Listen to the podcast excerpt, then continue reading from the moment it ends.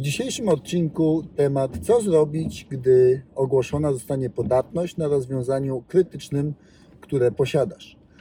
Przykład, ostatnia informacja odnośnie FortiGate'a, e, czyli urządzenie, które jest najczęściej w styku z internetem i ma podatność e, krytyczną, która umożliwia e, przełamanie tego zabezpieczenia.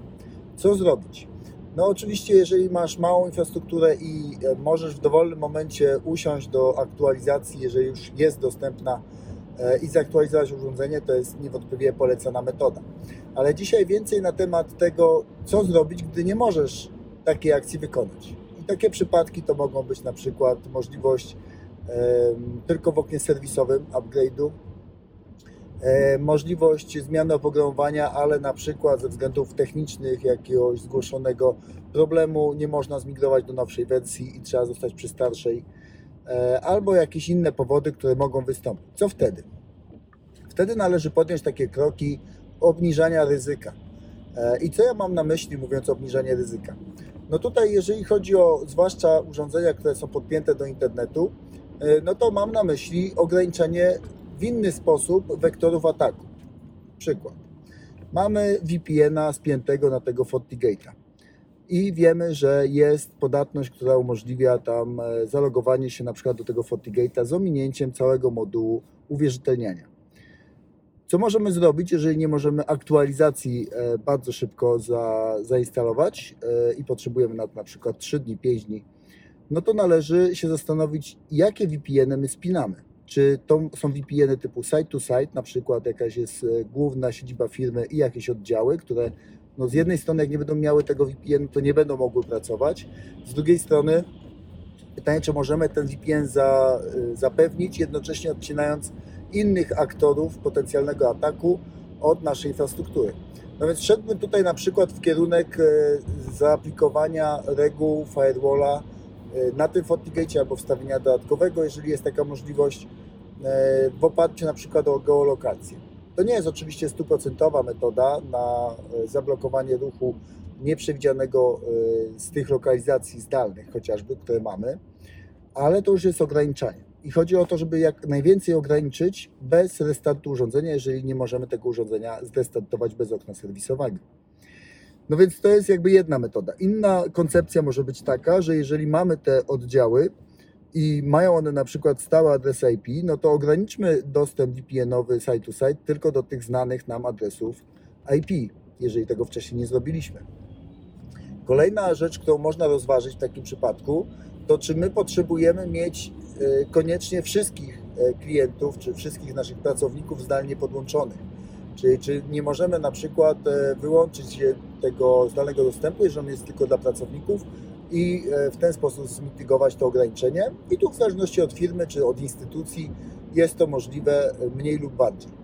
I tutaj nie ma jakby jednej metody na to, że każdy powinien zrobić tak albo inaczej, bo specyfika działania firmy jest często różna, czy tu mówimy o na przykład sektorze jakimś publicznym, nie wiem, rządowym, samorządowym, czy też o sektorze komercyjnym jest inna, czy też o sektorze jakimś produkcyjnym jest też inna. I tutaj trzeba dobrać te środki mitygacji, czyli takie doraźne, e, zmniejszające ryzyko, w zależności od tego, jaką mamy tą specyfikę. W każdym razie często da się zrobić dużo, e, nawet bez instalowania łatki, e, po to, żeby ograniczyć to ryzyko.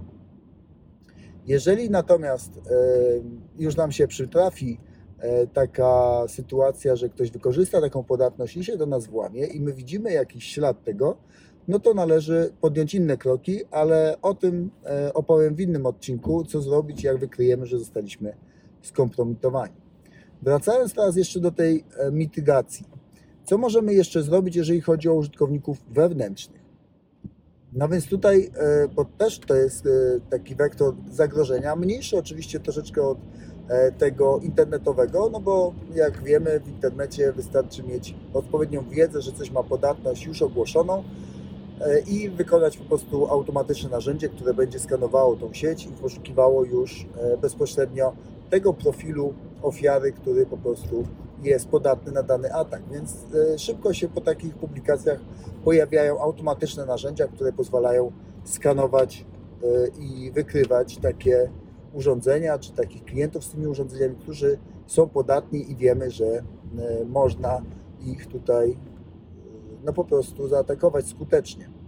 Tu oczywiście nie mówię tylko o skanowaniu ze strony złych aktorów. E, Wiem, że są też takie podejmowane działania ze strony różnych e, organów, które odpowiadają między innymi w Polsce, ale w innych krajach zapewne jest podobnie, za bezpieczeństwo e, naszych firm i sieci internetu, zasobów krytycznych.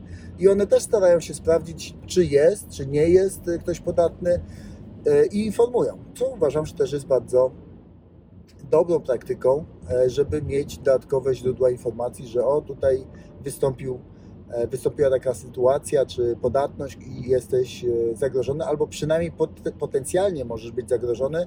E, Sprawdź sobie, zwróć na to uwagę, poświęć trochę czasu na to, żeby się zabezpieczyć. E, Kolejna rzecz, którą widzę tak z, z doświadczenia, e, ile czasu potrzeba od publicz- upu- upublicznienia informacji o podatności do e, narzędzia automatyzującego. No to widzę, że mniej więcej e, około półtora dnia wystarczy. W zależności oczywiście od popularności danej, danego rozwiązania i danej podatności, e, od e, atrakcyjności tych rozwiązań, które są podatne. Tutaj różnie to wygląda. W każdym razie tu raczej należałoby się zabezpieczyć, jeżeli chodzi o tą mitygację w ciągu e, kilku godzin najlepiej, no maksymalnie w ciągu kilkunastu godzin. Oczywiście tutaj to wszystko jest płynne, bo w zależności od tego, jak łatwe jest wykonanie danego narzędzia w danym przypadku. Tak czy inaczej, mówimy tu raczej o godzinach, a nie o dniach.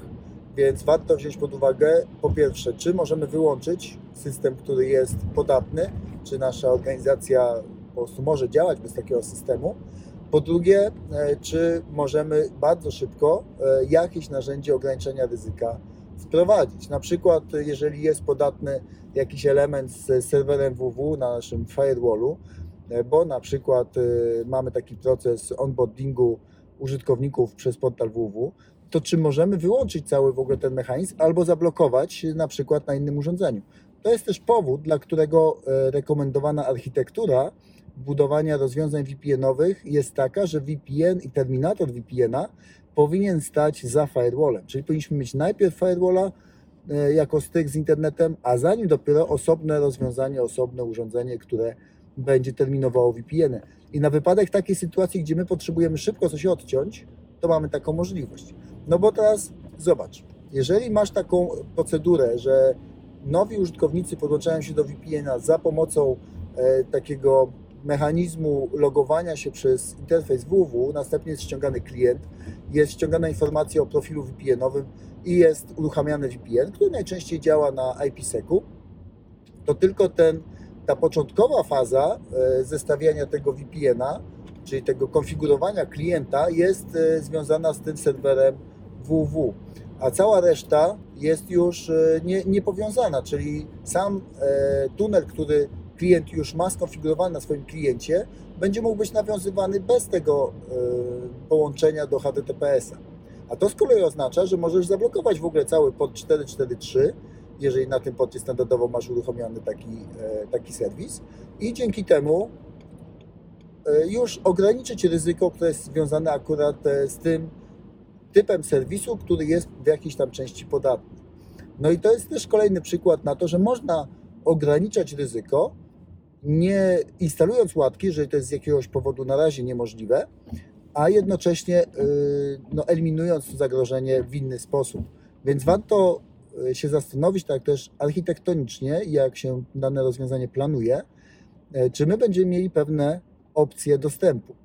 Kolejna rzecz, y, którą e, można rozważyć i należy to zrobić, zanim się e, potencjalnie taka sytuacja wydarzy, to jak możemy się e, przygotować, jakie kroki możemy podjąć na wypadek wystąpienia podatności krytycznej, na przykład w koncentratorze VPN, czy też na przykład w firewallu, e, gdzie my po prostu realizujemy jakieś swoje funkcjonalności. Czy mamy jakiś koncept na to, taki jakby zapasowy, co my w tym momencie zrobimy? Jeżeli to sobie przemyślimy wcześniej i przygotujemy się na taki wypadek, to dużo łatwiej nam będzie zareagować. A jak już wspomniałem, ten czas jest bardzo krytyczny. Czyli jeżeli mamy przygotowaną procedurę, do czego wszystkich zachęcam, żeby usiedli się nad tym zastanowili, spisali sobie procedurę, co możemy zrobić w momencie, kiedy pojawi się krytyczna podatność. I tu wystarczy wymienić kilka krytycznych elementów w naszej infrastrukturze, i to pod kątem aplikacyjnym, I to pod kątem e, infrastruktury, na przykład VPN-a, ale też infrastruktury na przykład NACA, bo tutaj mamy też podobną sytuację. No więc to, co jest oczywiście rekomendowane dzisiaj, jeżeli chodzi o e, takie infrastrukturalne bezpieczeństwo i takie zaprojektowanie naszego środowiska, to jest to, żebyśmy mogli dynamicznie, dość łatwo blokować komunikację pomiędzy poszczególnymi systemami, e, czyli na przykład e, jeżeli ktoś uda mu się uzyskać jakiś dostęp e, do jakiejś jednej części infrastruktury, przykład patrz ostatni artykuł odnośnie Cloudflare, czyli to jak skompromitowano e, tego dostawcę rozwiązania e, bezpieczeństwa i jak e, właśnie przedstawił to ograniczanie ryzyka, czyli że segmentację wykonał, czyli ten Zero Trust Access, e, czyli Zero Trust Network Access i nawet jeżeli pewna część została skompromitowana, to z tej części nie mogli przejść dalej. I tutaj te pisanie tych scenariuszy na zasadzie, że to są moje krytyczne komponenty, jak tu wystąpi krytyczna podatność, to ja mogę wyłączyć albo odseparować przynajmniej tą część. Tak samo jeżeli chodzi o użytkowników wewnętrznych, e, mamy też różne grupy tych użytkowników, czyli jeżeli na przykład wiemy, że mamy jakieś systemy krytyczne i wystąpiła na nich podatność, no to pierwsze pytanie, czy my w ogóle możemy odciąć od nich e, użytkowników. Często jest tak, że całkowicie nie możemy, czyli jakaś grupa minimalna tych użytkowników musi pracować, ale to wtedy jest pytanie, czy możemy ograniczyć tylko do tej całkowicie minimalnej grupy użytkowników, co generalnie jest oczywiście zalecane. Jeżeli mamy taką e, koncepcję w ogóle Zero Trust Network Access, to powinniśmy to robić i już powinniśmy mieć to przygotowane. Ale nawet gdybyśmy nie mieli takiej koncepcji już wdrożonej, to zastanawianie się nad tym, jak tych użytkowników podzielić, czyli jakie oni funkcje pełnią, do jakich aplikacji mają dostęp, już jest krokiem dużym naprzód. No i jeżeli wykonamy e, taki krok naprzód, no to wtedy mamy możliwość, e, no mamy więcej narzędzi po prostu w przypadku takiego e, krytycznego, krytycznej podatności, czy takiego, takiej sytuacji związanej z ryzykiem bezpieczeństwa. No i wtedy odcinamy albo część grup użytkowników, albo wszystkich, w zależności co możemy wykonać. E, I jeżeli na przykład nie możemy e, tych takich najbardziej e, istotnych pracowników odciąć od krytycznych systemów, no to może chociaż możemy ich w tym momencie odciąć od innej komunikacji z internetem. Czyli jest na przykład taka możliwość, żeby skonfigurować chociażby politykę czy na firewallu, czy VPN-ową w taki sposób, żeby jeżeli użytkownik łączy się do danego krytycznego zasobu, to jednocześnie nie mógł się łączyć do jakichś innych elementów e, dla nas mało istotnych, na przykład internet. I to jest ciekawy wątek, który warto rozważyć. VPN-a na przykład konfigurujemy w taki sposób, że jeżeli VPN-em łączy się do krytycznego zasobu, to odcinamy mu komunikację do internetu. Można takiego też VPN-a e, konfigurować i znam też takie przypadki, e, gdzie mamy krytyczne systemy dostępne tylko z wewnątrz, ale też tylko przez VPN-a. Czyli nie tylko możemy logować użytkownika na przykład w ramach NACA do sieci, ale jeszcze jeżeli chodzi o super krytyczne systemy, to jeszcze dodatkowo możemy spiąć VPN-a wewnętrznego i e, ograniczyć wtedy dostęp do innych elementów, tak żeby jednocześnie nie ta stacja końcowa czy ten endpoint nie mógł e, stanowić takiego proxy pomiędzy naszymi super wa- ważnymi krytycznymi systemami a e, światem zewnętrznym. Więc to są jakby elementy, które możemy podjąć, możemy wykonać i możemy próbować w ten sposób e, się zabezpieczyć, albo przynajmniej obniżyć ryzyko e, w przypadku e, sytuacji no, jakiejś takiej bardzo krytycznej czy no, niebezpiecznej. Zostawiam to do przemyślenia. Jeżeli masz oczywiście jakieś w tym temacie swoje doświadczenia, przemyślenia, sugestie, to pisz w komentarzu. Jeżeli jakiś inny aspekt e, takiego zakresu, który niewątpliwie teraz będzie doty- dotykał wielu osób i widać, że te ataki się nasilają, e, ilość podatności się zwiększa, e, zwłaszcza jeżeli chodzi o infrastrukturę, no to zapewne takie e, pytania się będą pojawiać wielu osobom. Na dzisiaj to tyle. Dzięki za uwagę i słyszymy się w kolejnym odcinku.